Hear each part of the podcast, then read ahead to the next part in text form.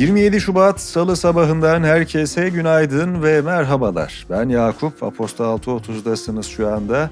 Umuyorum sesim size iyi bir zamanda ulaşıyordur. Şubat ayını tamamlamak üzereyiz. Artık ilkbahara, o yazın habercisi olan günlere de ufak ufak yaklaşıyoruz. Doğrusunu söylemek gerekirse o günleri özlemedik de değil. Bu sene kış ne kadar kıştı tartışılır. Ama gerçek şu ki yazcılar beklediği o güzel havalara oldukça yakın. Peki günün destekçisine de bakalım ve sonrasında sizi gündemle baş başa bırakacağım. Bugünün bülteni Arçelik'le birlikte ulaşıyor.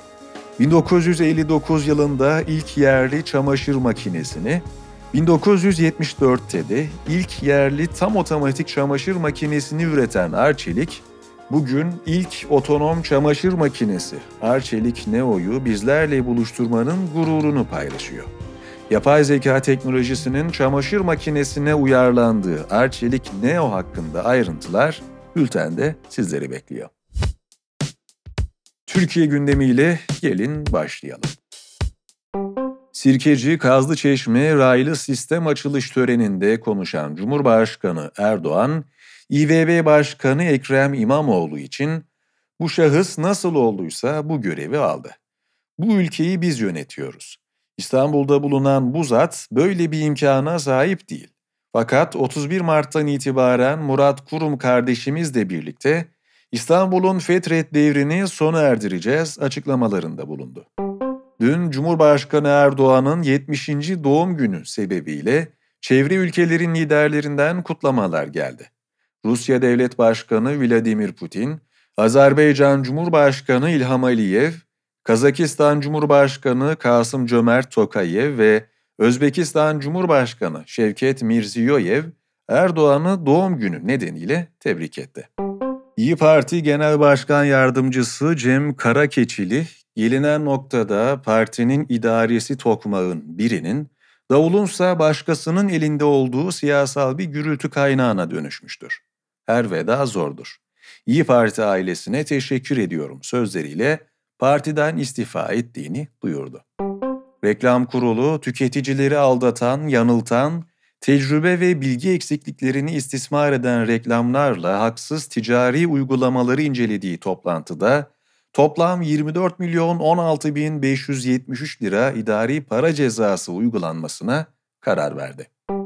Erzincan İliç'teki 9 işçinin göçüğün altında kaldığı toprak kaymasına ilişkin İliç'ten aktif fay geçtiği ve bu fayın madene ruhsat vermek için haritadan silindiği iddialarına Maden Tetkik ve Arama Genel Müdürlüğü'nden açıklama geldi.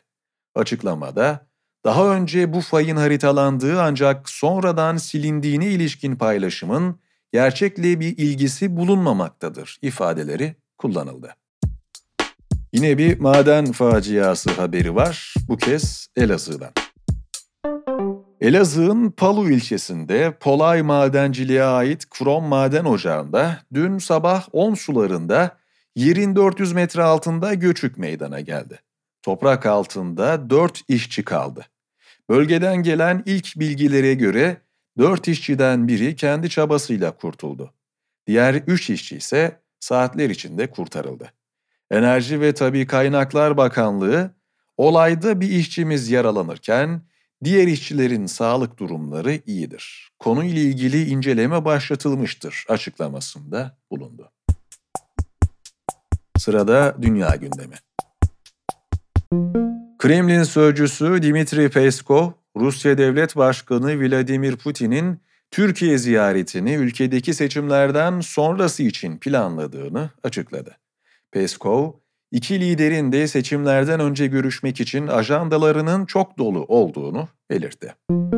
Almanya, Ukrayna'ya 100 milyon avroluk yeni bir insani yardımda bulunacağını açıkladı.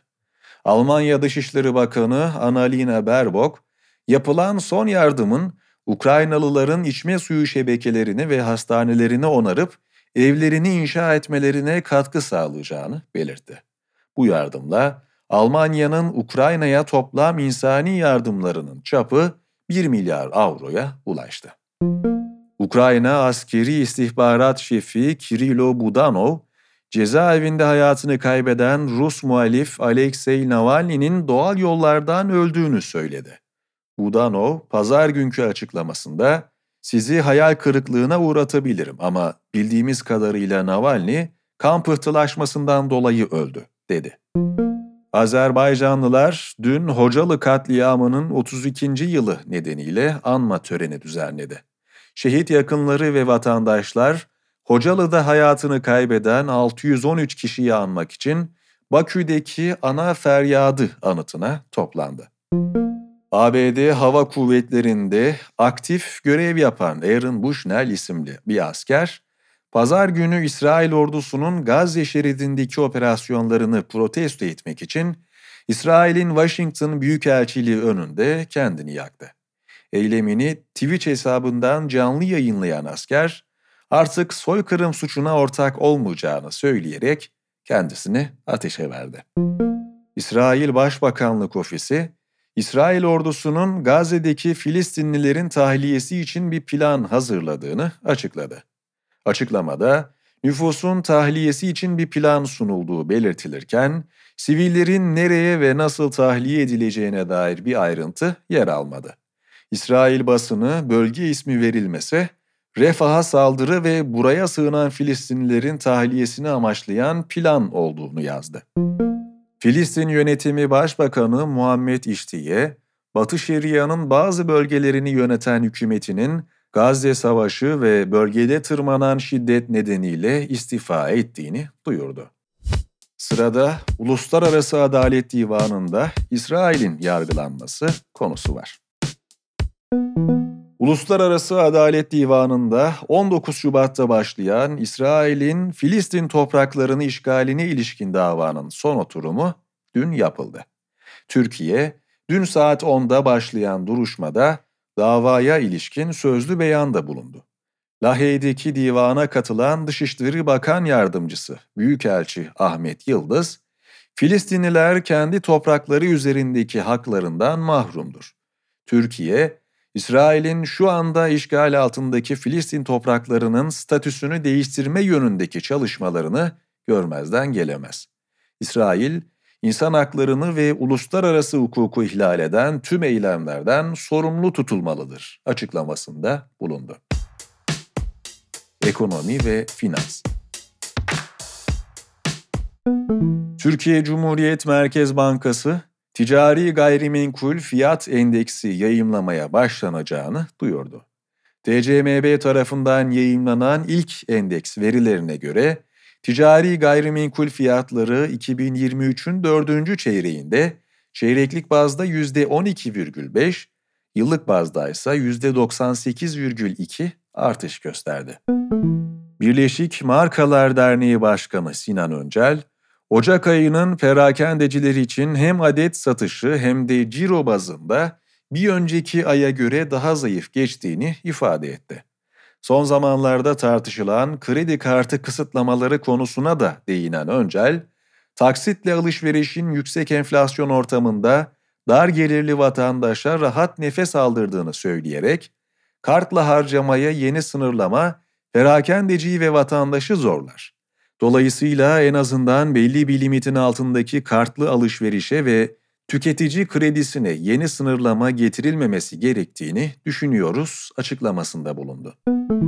Hazine ve Maliye Bakanı Mehmet Şimşek ve TCMB Başkanı Fatih Karahan, G20 Maliye Bakanları ve Merkez Bankası Başkanları toplantısına katılmak için Brezilya'ya gidiyor.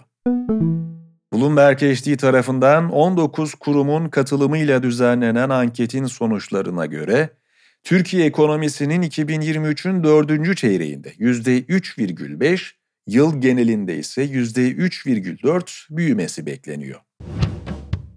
İş dünyası ve teknoloji Samsung, bu yıl piyasaya sürülmesi beklenen akıllı yüzü Galaxy Ring'i Barcelona'daki MWC 2024 etkinliğinde tanıttı.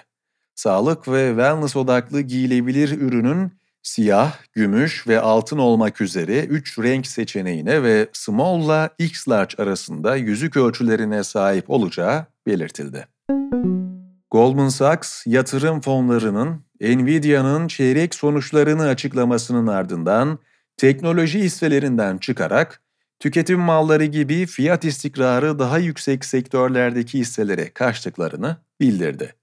Raporda bu fonların önceki 6 hafta boyunca aralarında Nvidia'nın da olduğu teknoloji şirketlerinden yoğun alımlar yaptıklarına dikkat çekti. Milyarder iş insanı Hayvier Neal'a ait Freya Investment'ın İsveç merkezli telekom operatörü Tele2'nin %19,8'lik hissesini yaklaşık 1,3 milyar dolar karşılığında Kinevik'ten satın alacağı duyuruldu. En çok sayıda Bitcoin'e sahip halka açık şirket olarak bilinen MicroStrategy'nin X hesabı eklendi. Saldırganın hesaptan paylaştığı bağlantıya tıklayanların 440 bin dolar değerinde kripto parasının çalındığı tahmin ediliyor. Trendyol'un sahibi Alibaba Grup'un ABD Menkul Kıymetler ve Borsa Komisyonu'nun talebi üzerine yaptığı açıklamada, Çin devletinin gruba ait önceden bilinenden daha fazla sayıda şirkette hissesi olduğu ortaya çıktı. Alibaba, çeşitli ülkelere ait ulusal varlık fonlarının da gruba ait şirketlerde hissedar olduğunu bildirdi. Açıklamada, şirketlere ve hissedarlık yapılarına ilişkin detaylara ise yer verilmedi. X, önceden yalnızca premium abonelerine sunduğu sesli ve görüntülü arama özelliğini tüm kullanıcılara açtığını duyurdu. Buna göre artık tüm kullanıcılar daha önceden özel mesaj aldıkları kişilerle sesli ve görüntülü arama yaparak iletişim kurabilecek. Google, yapay zeka aracı Gemini'yi mesajlar uygulamasına entegre edeceğini duyurdu. Kullanıcılar mesajlaşmalarında Gemini'den destek alabilecek ya da doğrudan Gemini ile de mesajlaşabilecek. Bunun haricinde Gemini, kullanıcının aracı seyir halindeyken gelen mesajların özetini de sunabilecek. Amazon, Suudi Arabistan'daki iki deposunda çalışan çoğu Nepal asıllı yaklaşık 700 göçmen işçiye kötü çalışma koşulları ve insan hakları ihlalleri nedeniyle 1,9 milyon dolar tazminat ödeyeceğini duyurdu. Efendim bu haberle birlikte bana ayrılan sürenin ve 6.30'da bir günün daha sonuna geldik. Ben Yakup. Bugünün bülteni Arçelik'le birlikte ulaştı. Bir sonraki yayında tekrar görüşünceye dek kendinize iyi bakın, hoşçakalın.